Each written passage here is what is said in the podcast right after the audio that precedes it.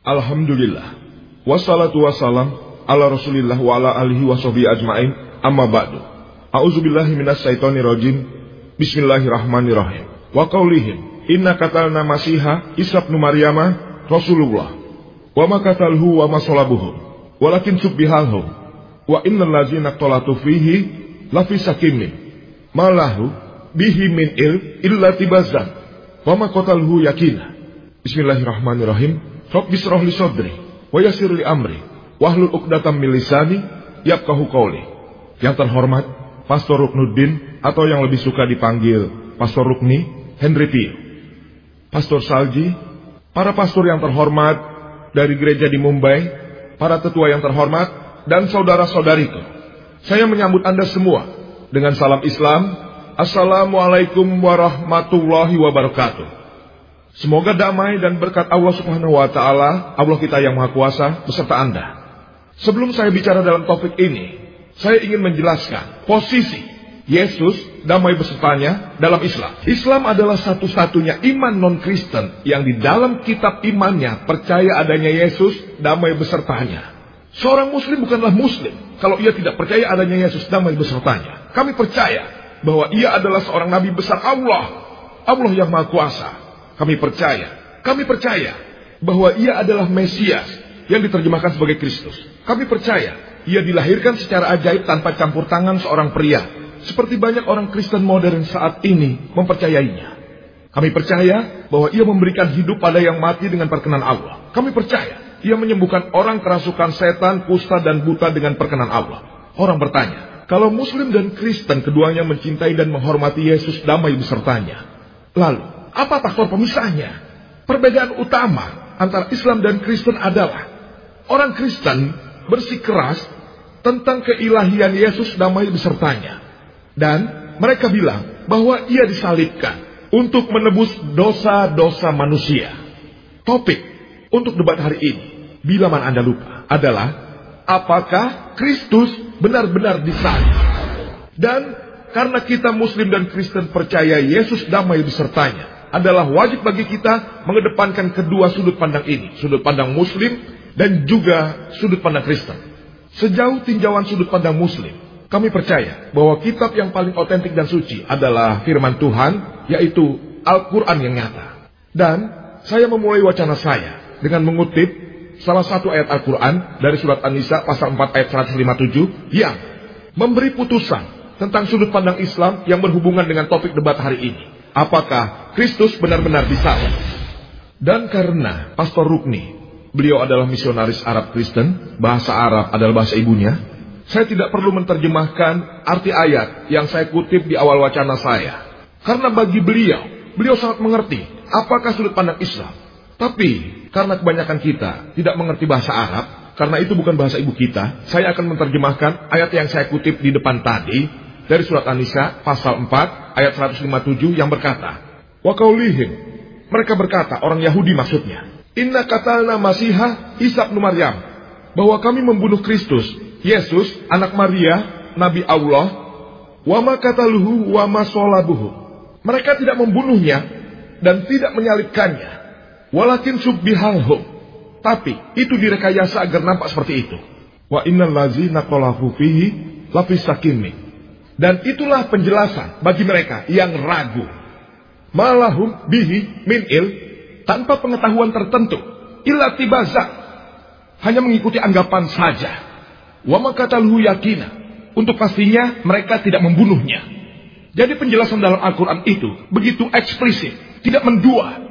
Menjelaskan dengan amat jelas tentang sudut pandang Islam. Wa makatalhu wa masolabuhu. Mereka tidak membunuhnya, juga tidak menyalibkannya. Wa makatalhu yakina. Sebagai kepastiannya, mereka tidak membunuhnya. Tidak ada yang bisa lebih eksplisit. Tidak mendua arti.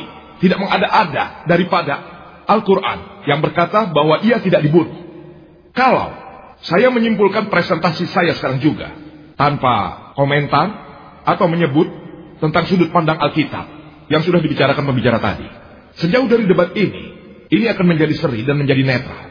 Tapi Muslim berkata, Menurut Al-Quran, Yesus Kristus damai besertanya tidak benar-benar disalib. Dan orang Kristen, menurut pemahaman mereka tentang Alkitab, mereka bilang Yesus disalib. Ini akan jadi seri. Tapi saya tidak melakukan itu.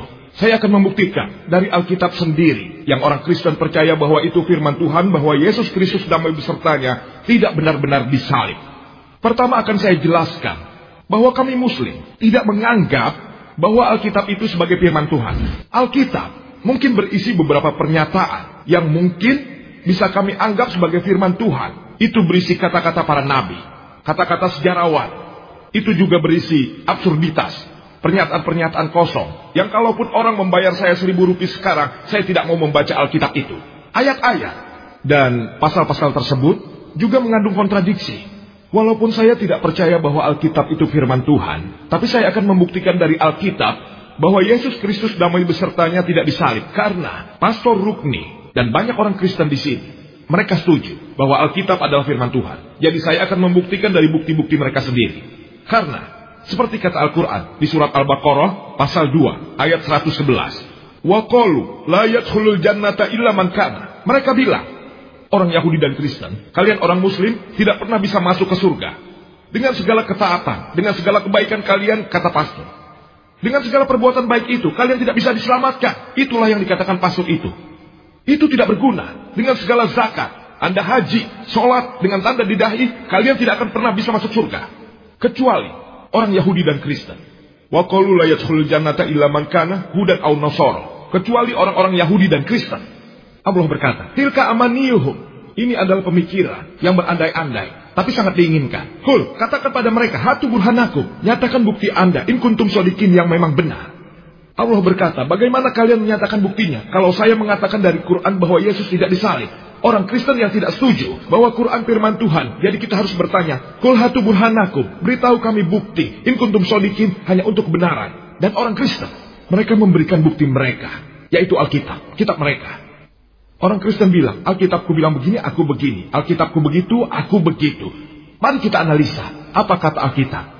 Dan mereka memproduksi Alkitab dalam tidak kurang dari 2000 bahasa di dunia.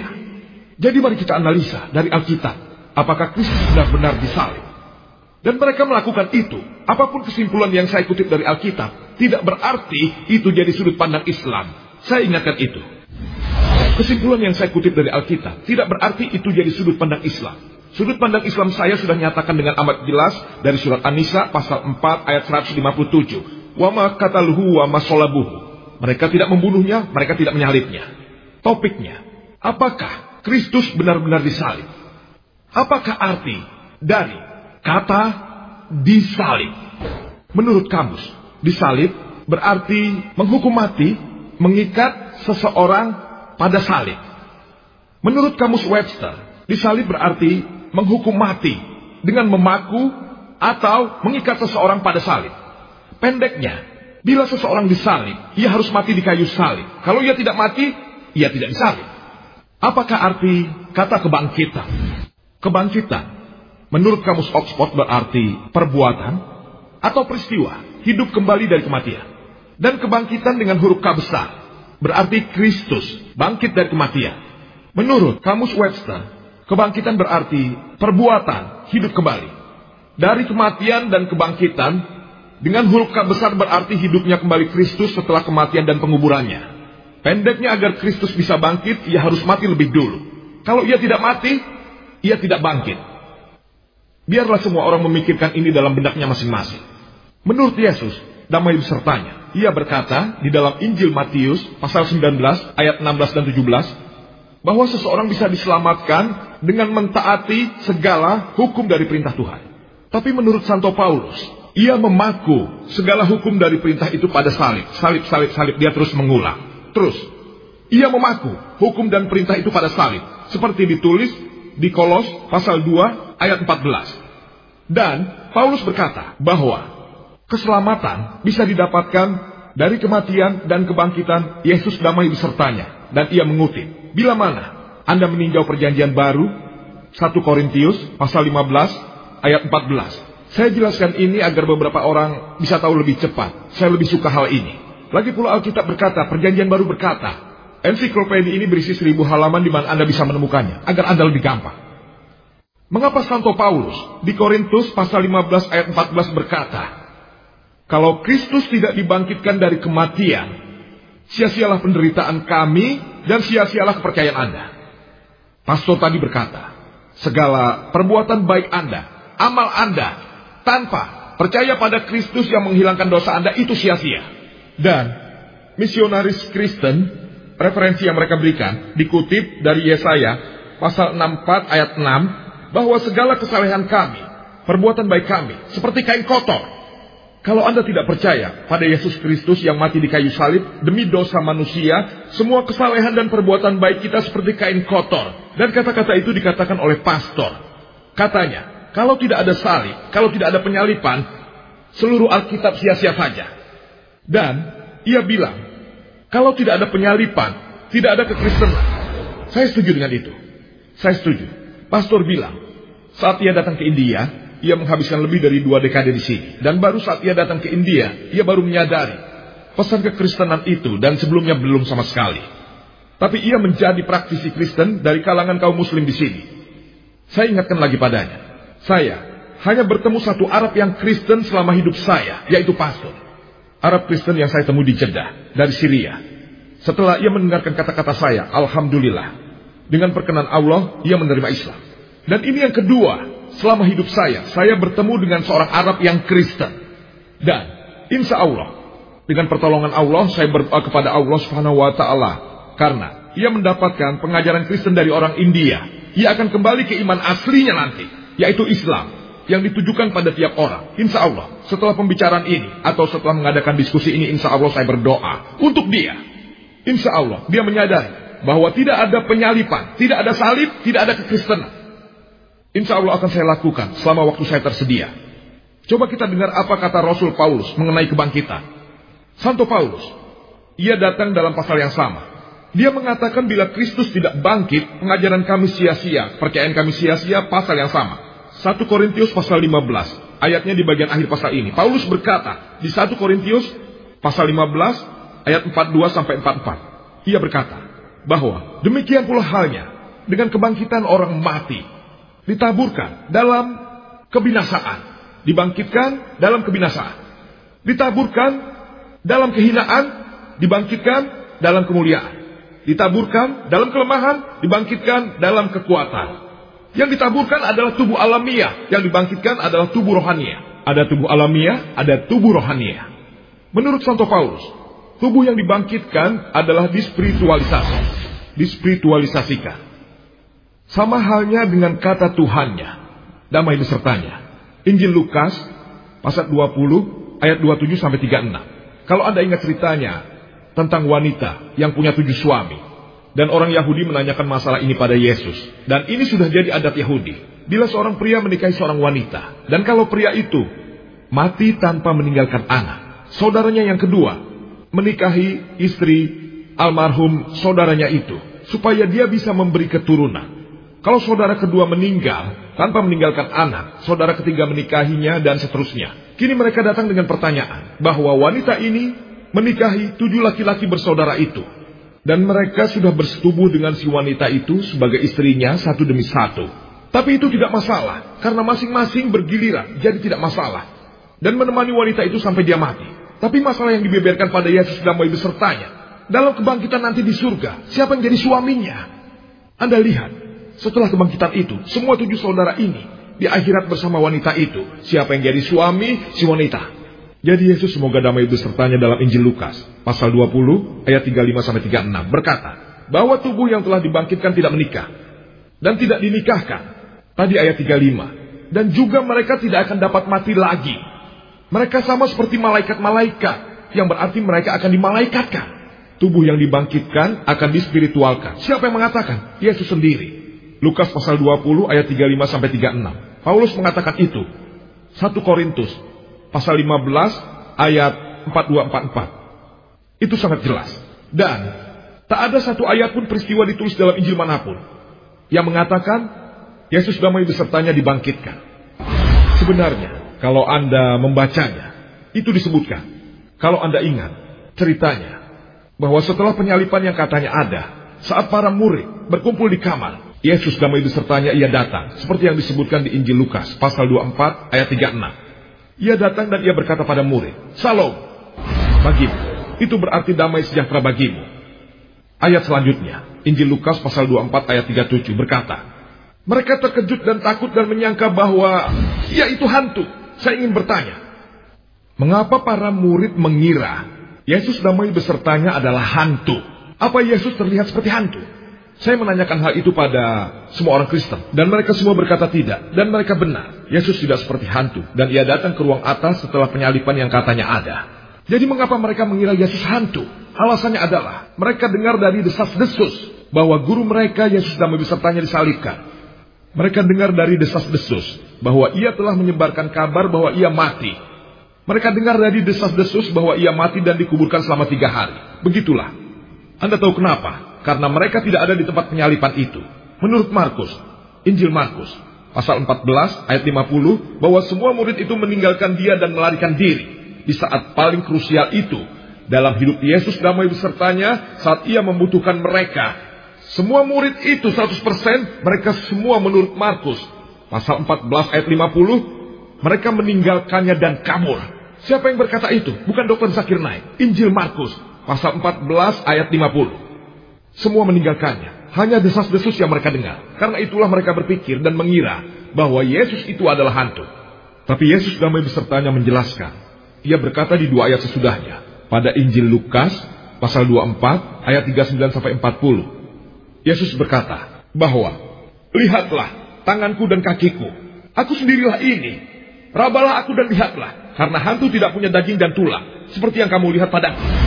Sambil berkata begitu, ia memperlihatkan tangan dan kakinya. Ia berkata pada mereka, lihatlah tangan dan kakiku. Ini aku. Ada apa dengan kalian? Inilah aku, Tuhanmu Kristus damai besertanya. Mengapa kalian ketakutan? Peganglah aku dan lihatlah. Ini tangan dan kakiku. Karena roh tidak punya daging dan tulang. Ia ingin coba membuktikan itu semua. Apa ia ingin membuktikan bahwa ia bangkit? Atau apakah dia itu roh? Apakah dia ingin membuktikan bahwa ia bukan roh? Ia tidak bangkit. Berikutnya, Injil Lukas pasal 24 ayat 41 42 berkata bahwa mereka kegirangan dan masih heran. Mereka mengira ia sudah mati dan kini mereka senang bahwa Tuhannya masih hidup secara fisik, tampil lengkap dengan daging dan tulang. Mereka senang. Yesus damai besertanya. Ia bilang untuk meyakinkan, apakah ada makanan untukku di sini? Lalu mereka memberinya sepotong ikan goreng dan juga madu. Ia mengambilkan dan memakankannya di depan mata mereka. Bahwa ia telah dibangkitkan. Untuk membuktikan bahwa ia adalah roh. Ia adalah fisik yang nyata. Ia makan dan ia mengunyah di depan mereka. Sepotong ikan dan madu untuk membuktikan ia tidak dibangkitkan. Ia bukan roh, tapi ia tulang dan daging. Tubuh yang utuh. Kalau tak ada kebangkitan, tak ada penyalipan, tak ada kekristenan. Kalau Anda ingat, cerita mengenai Maria Magdalena saat ia pergi ke kubur Yesus pada hari ketiga. Itu disebut dalam Injil Yohanes, pasal 20, ayat 1. Juga Injil Markus, pasal 16, ayat 2. Bahwa pada hari pertama minggu itu, berarti hari Minggu. Hari Sabtu adalah hari terakhir bagi orang Yahudi. Hari pertama dalam seminggu adalah hari Minggu. Iya, hari Minggu. Ketika Maria Magdalena pergi ke kubur. Mengapa harus Maria Magdalena pergi ke kubur pada hari ketiga setelah Yesus dianggaplah mati? Mengapa ia harus pergi ke sana?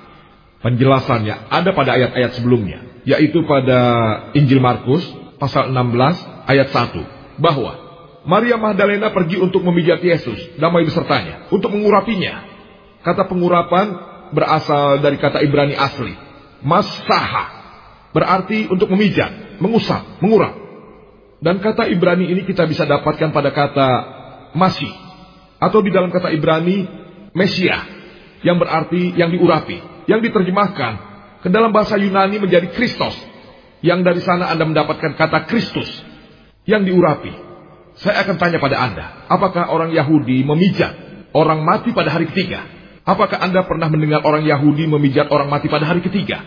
Jawabannya adalah tidak. Orang Yahudi memijat pada hari ketiga, jawabannya tidak. Lalu orang Muslim, apa kita memijat orang mati pada hari ketiga? Jawabannya tidak. Jadi, mengapa dia pergi ke kuburan untuk memijat Yesus? Yang mati pada hari ketiga. Menurut orang Kristen, Anda tahu kenapa? Karena dialah satu-satunya selain Yusuf dari Arimatea dan Nikodemus yang memberikan upacara penguburan bagi Yesus. Dan saat jenazah Yesus yang katanya diturunkan dari salib, Maria masih melihat tanda-tanda kehidupan di tubuh yang lemah itu. Tapi secara alami, Maria tidak akan berteriak, "Ia masih hidup! Kalau tidak, mereka akan menghukum lagi. Melihat tanda-tanda kehidupan dalam tubuh Yesus damai besertanya, ia kembali pada hari ketiga setelah hari sabat untuk melihat Yesus yang hidup, Yesus yang hidup damai besertanya. Dan seperti disebutkan dalam Injil Yohanes pasal 20 ayat 1 dan Injil Markus pasal 16 ayat 4 bahwa dia melihat bahwa batu kubur itu sudah terbuka. Bahkan kain kafan sudah terlepas dan tergeletak di tanah. Pertanyaannya adalah, mengapa batu itu digulingkan dan mengapa kain kafan itu dilepas dan tergeletak di tanah? Jawabannya adalah, kalau Yesus damai besertanya dibangkitkan sebagai tubuh roh, apakah roh perlu agar batu gerbang itu digulingkan? Kalau dia itu roh, batu tak bisa menghentikan roh untuk menembus masuk. Batunya tidak harus digulingkan. Mengapa batu itu digulingkan? Kalau roh itu bisa bergerak, apa dia harus melepaskan kain kafannya? Itu tidak perlu. Tapi kalau ia masih punya tubuh kasar, batu yang menghalangi kubur itu harus disingkirkan. Kain kafan itu harus dilepaskan. Itu membuktikan bahwa Yesus damai besertanya. Orang yang keluar dari kubur itu adalah jasad yang kasar. Dan kubur itu adalah milik pribadi anggota majelis besar. Yusuf dari Arimatea, orang Yahudi kaya dan berpengaruh. Yang telah membuat ruang besar untuk kubur. Mungkin untuk dirinya sendiri suatu hari. Di dalam itulah Yesus damai besertanya ditaruh. Kubur atau sepulkur. Seorang bernama Jim Bishop. Namanya Jim Bishop atau gimnastik berkata. Itu sangat luas, sangat besar. Lebarnya lima kaki, tingginya tujuh kaki, dan kedalamannya lima belas kaki. Mengapa perlu ruangan seluas itu? Untuk orang yang ingin membantu seseorang supaya bisa dikuburkan dengan mudah. Hanya butuh ruangan kecil di Bombay untuk hidup 75 persegi. Ini adalah cukup besar. Di Bombay, 5 sampai 6 orang bisa tinggal di situ, seakan ini tempat yang paling mahal di dunia. 75 kaki persegi bisa ditempati 4 sampai 5 orang, jadi cukup luas untuk menolong orang tersebut. Tapi yang ditolong ini adalah roh. Mereka tidak akan menolong roh secara alami. Mereka sebenarnya ingin menolong jasad yang kasar. Lebih jauh lagi di Injil Yohanes pasal 20 ayat 15. Yesus melihat Maria Magdalena dari atas bumi, tera firma bukan surga. Maria sedang menangis. Yesus menghampirinya dan bertanya, Ibu, mengapa engkau menangis? Siapa yang kau cari? Maria sadar pada waktu itu dan dia mengerti apa yang ditanyakan. Maria menyangka orang itu adalah tukang kebun. Maria bertanya, ke mana Bapak membawa dia? Dia membaringkan dia supaya aku dapat mengambilnya. Inilah yang jadi tanda tanya. Mengapa Maria Magdalena mengira bahwa Yesus damai besertanya sebagai tukang kebun? Saya bertanya pada Anda, Apakah tubuh yang dibangkitkan terlihat seperti tukang kebun? Begitukah? Ya atau tidak? Tidak. Jadi mengapa dia mengira Yesus damai besertanya sebagai tukang kebun? Dan jawabannya adalah karena dia menyamar sebagai tukang kebun. Sekarang mengapa sebuah tubuh roh menyamar sebagai tukang kebun? Mengapa Yesus damai besertanya menyamar sebagai tukang kebun? Karena dia takut pada orang Yahudi. Lalu mengapa roh harus takut? Karena menurut kitab Ibrani, pasal 9 ayat 27, manusia mati hanya sekali dan sesudah itu dihakimi. Yesus damai besertanya di Injil Lukas pasal 20 ayat 36. Sebab mereka tidak dapat mati lagi. Anda tidak perlu takut pada siapa pun. Tidak ada orang yang bisa mencelakai Anda. Tidak bisa mati dua kali. Mengapa ia harus menyamar? Kenapa ia menyamar? Mengapa ia menyamar? Mengapa ia bersembunyi? Mengapa ia harus lari dari orang Yahudi? Mengapa? Mengapa? Mengapa? Itu membuktikan bahwa tubuh itu bukan spiritual tapi masih hidup. Dan ia berkata pada Maria, Maria. Satu kata saja sudah cukup agar Maria bisa mengenali Tuhannya. Anda tahu, setiap orang punya gaya tertentu untuk memanggil orang yang dikasihinya. Nada dan gaya yang Anda gunakan untuk memanggil orang tersayang adalah cukup untuk mengamati bahwa itu adalah Yesus damai besertanya. Setelah itu Maria menghampiri Yesus. Dalam Injil Yohanes pasal 20 ayat 15, 16, 17, kata Yesus damai besertanya, "Jangan sentuh aku." Mengapa? Mengapa jangan sentuh aku? Apa ia takut? Meledakkan seluruh kota kalau seseorang menyentuhnya? Sampai harus begitu? Apakah dia itu serangkaian dinamit sehingga kalau seseorang menyentuhnya dia akan meledak? Mengapa ia bilang jangan sentuh aku? Karena dia tubuh nyata. Bayangkan siksaan, rasa sakit, rasa sakit jasmani, tekanan emosi yang dialaminya saat ia disalib. Katanya disalib, segala sakit dan siksaan itu. Kalau ia masih kesakitan, tubuh jasmani kasarnya, ia bilang, jangan sentuh aku. Lalu dikatakan lebih lanjut, di Injil Yohanes pasal 20 ayat 17. Sebab aku belum pergi kepada Bapa. Artinya apa? Artinya, ia masih belum mati. Yesus damai besertanya jelas-jelas berkata bahwa ia masih belum dibangkitkan. Itu membuktikan bahwa ia masih hidup. Lalu, disebutkan pada Injil Markus pasal 16 ayat 11 bahwa para murid mereka mendengarnya bahwa Yesus damai besertanya masih hidup dari dia Maria Magdalena tapi mereka tidak percaya. Anda tahu orang Yahudi kebiasaan mereka adalah melontarkan pertanyaan, menyulitkan pembawa pesan. Al-Quran bilang, Alkitab bilang bahwa banyak pertanyaan dilimpahkan pada Yesus damai besertanya dan mereka menyulitkannya. Dan mereka mengganggunya, mencoba menjebak Yesus damai besertanya. Lebih jauh lagi, ini disebutkan dalam Injil Matius, pasal 12 ayat 38. Orang Yahudi pernah datang pada Yesus dan besertanya dan bilang, Guru, Robbi, artinya Tuhan. Kami ingin melihat tanda darimu. Berilah tanda sebuah mukjizat. Mukjizat. Segala firman Tuhan yang pernah didengar oleh Yesus tidaklah cukup untuk meyakinkan orang Yahudi. Mereka berkata, beri kami tanda, beri kami mukjizat. Mungkin seperti terbang di udara, seperti berjalan di air, seperti berjalan di atas batu bara terbakar, mereka menuntut mukjizat. Tanda di sini bukan berarti tanda di tiang lampu, seperti rambu di jalan, bukan tanda seperti itu. Itu jelas-jelas berarti mukjizat. Bila mana Anda membaca lebih jelas lagi, itu berarti tanda yang ajaib. Lalu apa jawab Yesus damai besertanya? Apa jawabannya? Selanjutnya adalah Injil Matius pasal 12 ayat 3940 mengatakan, Apakah yang jahat dan tidak setia ini menuntut suatu tanda, menuntut keajaiban? Tak ada tanda yang akan diberikan padamu selain tanda Yunus. Sebab seperti Yunus tinggal dalam perut ikan paus. Tiga hari tiga malam. Begitu juga anak manusia tiga hari tiga malam. Akan tinggal dalam rahim ibunya. Yesus damai besertanya. Tidak berkata, pergi dan temui Bartimus. Orang buta yang kusembuhkan matanya. Mengapa anda tidak menanyai dia? Iya, begitu aku sentuh dia, dia sembuh. Itu menunjukkan dua ribu babi yang ia bunuh untuk mengusir setan dari seseorang. Bukan lima ribu orang atau tiga ribu orang yang diberinya makan dengan ikan dan roti. Dia berkata, tidak ada tanda untukmu selain Yunus. Yesus damai besertanya menaruh segala tandanya dalam satu keranjang. Tanda Yunus. Dan orang yang tahu tanda dari Yunus, dia tidak harus jadi ahli Alkitab. Dia tidak harus jadi seorang dokter teologi. Karena itu diajarkan di sekolah minggu dan kebanyakan negara termasuk India. Apakah dia Kristen, Muslim, atau Hindu bisa mengetahui cerita ini dari komik atau pelajaran sekolah modern. Tanda Yunus. Atau Yunus dan ikan paus. Mereka tahu. Tapi kalau Anda ingin tahu tanda Yunus yang sebenarnya dalam Alkitab. Dalam buku besar ini. Tanda Yunus itu kurang dari dua halaman. Kurang dari satu setengah halaman. Saya sudah minta tolong memfotokopi ini dari Alkitab yang sama untuk membuatnya lebih mudah. Kurang dari satu setengah lembar, hanya empat pasal. Untuk mencari satu halaman dalam ensiklopedia setebal seribu halaman itu sulit. Tapi tiap orang tahu akhir cerita itu. Tuhan yang Maha Kuasa, ia menyuruh nabinya, Yunus damai besertanya, untuk pergi mengabarkan firman ke Niniwa, pergi ke Niniwa. Tapi ia berkata, orang Niniwa itu terlalu jahat. Dia mengira bahwa iblis mengerjainya dan dia mengulur-ngulur waktu. Jadi dia pergi ke Yova. Ke Yova. Dari sana dia menumpang kapal ke Tarsis. Anda tahu apa? Lalu ada badai besar. Dan sebuah tahayul yang dipercayai pelaut masa itu. Bahwa kalau ada badai di laut itu karena ada seseorang yang tidak mematuhi tuannya. Lalu mereka mencari tahu untuk tahu siapa biang keladinya. Mereka punya adat membuang undi.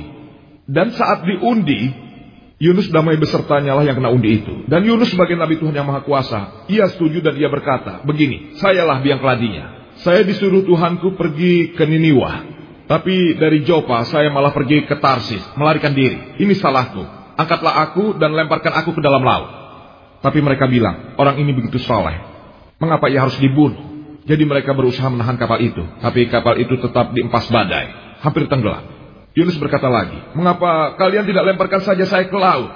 Dan akhirnya mereka setuju. Setelah Yunus dilempar, badainya berhenti. Itu mungkin hanya kebetulan saja. Lalu seekor ikan paus. Paus itu datang dan menelan Yunus damai besertanya. Yunus memuji Tuhan yang Maha Kuasa dari dalam perut ikan paus. Ikan paus itu membawa Yunus selama tiga hari tiga malam mengelilingi lautan. Lalu ikan paus itu memuntahkan Yunus di pantai. Apa tanda dari Yunus yang dimaksud Yesus damai besertanya? Bahwa tidak ada tanda yang akan diberikan padamu selain tanda Nabi Yunus. Karena seperti Yunus, tiga hari tiga malam dalam perut ikan paus, begitu juga anak manusia berada tiga hari tiga malam dalam rahim ibunya. Tiga hari tiga malam. Sekarang saya ingin menanyakan sesuatu. Saat Yunus dilempar keluar kapal, apakah dia mati atau hidup? Sebelum Anda menjawab, biar saya jelaskan pada Anda. Yunus mengaku, ia bilang saya biang keladinya, saya lah yang bertanggung jawab. Lemparkan saja saya. Biasanya ada yang memegang kakinya, ada yang memegang tangannya, lehernya. Tapi karena dia menawarkan diri, maka mereka tidak melakukan itu semua. Jadi mereka melemparkannya di luar kapal. Itu yang mereka lakukan pada Yunus. Apakah Yunus mati atau hidup? Hidup. Ikan itu datang dan menelannya. Apakah dia mati atau hidup? Hidup. Ia berdoa pada Allah yang Maha Kuasa dari dalam perut ikan paus. Apakah ia hidup atau mati? Apakah orang mati bisa berdoa? Hidup. Ikan paus membawa Yunus tiga hari tiga malam di lautan. Mati atau hidup? Hidup. Ikan paus itu memuntahkannya di pesisir pantai. Ia mati atau hidup? Hidup, hidup, hidup, hidup, hidup. Saat seseorang dilempar dari laut yang sedang bergelora, dia bisa mati. Kalau dia mati tidak ada mukjizat. Kalau dia hidup, baru ada mukjizat. Paus itu datang dan menelannya. Dia bisa mati. Dia tidak mati. Tiga hari tiga malam dalam panas dan sesak napas dalam perut ikan paus. Anda bisa mati. Dia tidak mati. Itu mukjizat. Itu mukjizat dari mukjizat dan mukjizat. Mukjizat dari mukjizat dari mukjizat. Yesus berkata, damai besertanya, seperti Yunus. Tiga hari tiga malam, begitu juga anak manusia tiga hari tiga malam, seperti Yunus. Tiga hari tiga malam dalam perut ikan paus, begitu juga anak manusia tiga hari tiga malam dalam perut bumi. Yunus waktu itu masih hidup. Tapi saat saya menanyakan hal itu pada orang Kristen, pada sepupu, pada saudara, pada keponakan, saat saya menanyakan hal ini pada mereka, bagaimana saat Yesus sedang besertanya, sedang dalam kubur? Menurut Anda, Yesus sudah mati waktu itu. Ia mati. Saya menanyakan ini pada Anda. Yunus waktu itu hidup.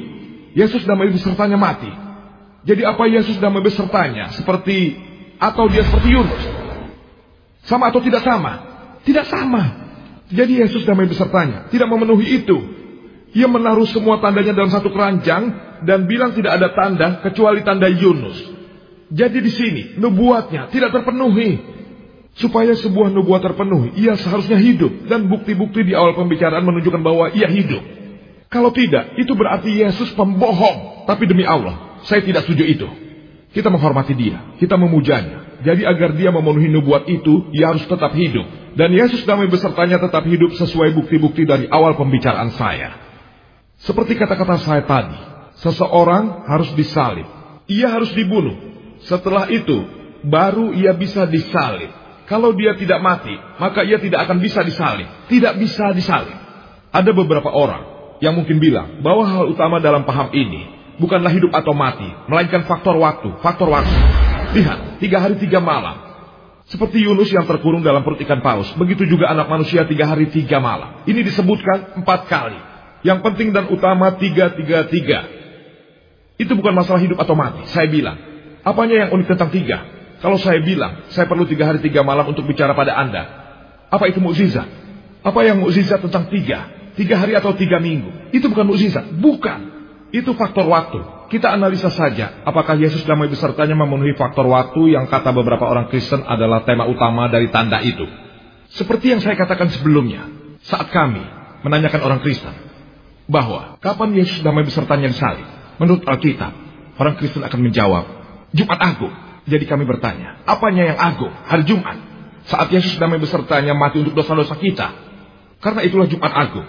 Apabila Anda membayar pengadilan itu berjalan terburu-buru, mereka mengadili terburu-buru karena mereka ingin menggantung dia di salib. Dan mereka terburu-buru menurunkannya. Para penulis bilang, jangan ditahan semalaman, tergantung disalib di hari sabat, menurut kitab ulangan, pasal 21 ayat 23. Tanah itu akan terkutuk. Mereka terburu-buru menurunkannya. Dan mereka memandikan jenazahnya. Saat itu sudah larut malam, ia diletakkan di dalam kubur pada larut malam. Dan menurut kitab Yohanes pasal 20 ayat 1, pada hari pertama minggu itu, minggu pagi, kubur itu ditemukan sudah kosong oleh Maria Magdalena. Yang seharusnya Yesus ada di dalam kubur di hari Jumat malam. Mengapa saya bilang seharusnya? Karena Alkitab tidak menyebutkan kapan Yesus meninggalkan kubur itu. Mungkin ia pergi pada hari Jumat larut malam atau satu pagi. Itu tidak disebutkan bahwa Maria Magdalena pergi ke sana pagi-pagi pada hari Minggunya. Jadi Yesus tidak ada dalam kubur itu Jumat malam. Seharusnya ia ada dalam kubur itu Sabtu siang. Seharusnya ia ada dalam kubur itu Sabtu malam. Seharusnya Minggu pagi kubur itu sudah kosong. Jadi dia ada di sana selama dua malam dan satu hari. Tapi tanda itu mengatakan tiga hari tiga malam. Itu yang dikatakan. Seperti Yunus berada dalam perut ikan, begitu juga anak manusia ada dalam perut bumi. Tiga hari tiga malam. Sementara Yesus damai besertanya sebenarnya satu hari dua malam. Satu hari dua malam. Tiga hari dan tiga malam sama dengan dua hari dua malam. Apa itu sama? Tiga hari dan tiga malam itu sama? Tidak. Jadi bahkan faktor waktu yang diumbat itu tidak terpenuhi. Hal yang benar adalah Yesus damai besertanya masih hidup waktu itu. Orang yang disalib harus mati di kayu salib. Hanya untuk memudahkan. Pak Pastor, dengan waktu yang terbatas, saya mendaftarkan hal-hal utama. Yang membuktikan bahwa ia tidak disalib. Ia tidak dibangkitkan karena ia hidup waktu itu. Kalau ia hidup, tidak ada penyalipan dan tidak ada kebangkitan. Ia digantung di kayu salib. Dan diturunkan dengan sangat cepat. Dalam tiga jam. Kalau orang yang disalib seharusnya sudah mati karena itu Yesus masih hidup waktu itu. Saat ia diturunkan, kedua orang yang disalib bersama Yesus, mereka masih hidup, membuktikan bahwa Yesus masih hidup. Poin kedua. Poin ketiga, kakinya tidak patah. Apa gunanya kaki patah untuk orang mati? Itu bukti dia masih hidup. Poin keempat, yaitu batu kubur, terguling dan terbuka dan kain kapan terlepas, membuktikan bahwa Yesus dan besertanya masih hidup waktu itu. Poin kelima, Yesus menyamar sebagai tukang kebun. Mengapa? Karena ia masih hidup dan berusaha menyelamatkan diri dari orang Yahudi. Poin keenam, kubur itu luas, ruangan kubur itu luas. Apa gunanya kubur yang luas untuk orang yang mati? Ini membuktikan Yesus masih hidup. Poin ketujuh, saat Maria Magdalena pergi untuk melihat Yesus damai besertanya, ia berkata, jangan sentuh aku. Mengapa? Mengapa? Itu adalah tubuh jasmani, ia masih hidup. Kalau ia hidup, ia pasti kesakitan. Jadi jelas ia masih hidup. Yesus damai besertanya bilang, Aku masih belum naik ke Bapakku. Itu berarti, ia masih hidup. Ia hidup. Poin ke-9. Maria Magdalena tidak takut saat mengenali Yesus damai besertanya. Poin ke-10. Bahwa di ruang atas, ia menunjukkan tangan dan kakinya untuk membuktikan kalau ia bukan roh. Tapi ia hidup. Poin ke-11. Yaitu, murid senang bertemu dengannya. Mengapa? Mereka mengira ia mati dan tampil berwujud roh. Mereka girang bertemu dengan dia karena dia masih hidup. Poin ke-12. Ia makan sepotong ikan goreng dan madu untuk membuktikan bahwa ia hidup. Para murid mendengar dari Maria Magdalena bahwa ia hidup. Poin ke-14. Tanda Yunus. Seperti Yunus. Tiga hari tiga malam dalam perut ikan paus. Begitu juga anak manusia tiga hari tiga malam dalam perut bumi. Hidup, hidup, hidup, hidup. Kalau ia hidup, tidak ada penyalipan, tidak ada pembangkitan. Jadi Yesus Kristus damai besertanya ditaruh di kayu salib menurut Alkitab. Tapi ia tidak mati. Sekarang, topiknya adalah apakah Kristus benar-benar disalib? Kalau ia digantung di salib dan ia mati, ia disalib. Kalau ia digantung dan disalib dan tidak mati, apakah satu kata yang akan kita gunakan? Lihat bahasa Inggris itu. Tidak sempurna. Jika Anda meninjau kamus untuk satu kata, untuk orang yang bergantung di salib tapi tidak mati, Anda tidak akan menemukan satu kata pun. Kita harus menyebut kata baru. Kata terbaik yang kami temukan bahwa Yesus Kristus damai besertanya tidak disalib, tapi di crucifixion. Itu bukan crucifixion. C R U C I F I X I O N, tapi crucifixion. C R U C I F I C T I O N. Itu fiksi. Kita harus pakai kata baru. Karena Yesus damai besertanya tidak disalib. Tetapi disalib. Fiksi. Saya berharap ini bisa mengakhiri friksi. Pastor pasti akan setuju. Dan kebingungan akan dihapus dari benak Anda. Bahwa Yesus damai besertanya tidak disalib. Tidak ada penyalipan. Tetapi disalib fiksi. F-I-C-T-I-O-N. Saya akan akhiri dengan mengutip ayat Al-Quran dari surat Al-Imran pasal 3 ayat 54 yang berbunyi wa makaru wa makarallahu wallahu khairul makirin. Ditanamlah dan dikuburlah. Allah juga tanaman. Allah juga penanam terbaik. Wa akhirut dawana alhamdulillahirabbil alamin. Uh, terima kasih Dokter Zakir atas poin-poinnya. Uh, saya melihat banyak diskusi yang non logis. Beberapa hal Kehilangan semangat dari firman itu dalam banyak hal sangat parah menjadi non-logis. Itu bahkan sulit untuk didiskusikan. Saya tidur dan saya bangun. Apa itu berarti dibangkitkan? Apa itu artinya? Tujuan saya di sini adalah untuk menyajikan solusi bagi hidup Anda dari dosa. Yesus yang disalib. Itulah maksud saya, walaupun saya kalah berdebat. Apa pun yang dicoba, walaupun Anda meminta bantuan instan, Anda tidak akan pernah bisa membuktikan dari Alkitab. Kalau ada yang percaya pada Islam, kalau ia mengaku salah, maka saya akan memberinya selamat. Ia kembali ke iman aslinya, yaitu Islam. Ah, Anda menanyakan hal yang sangat rumit. Suatu hari ah, kita akan duduk dan mendiskusikan ini bersama-sama.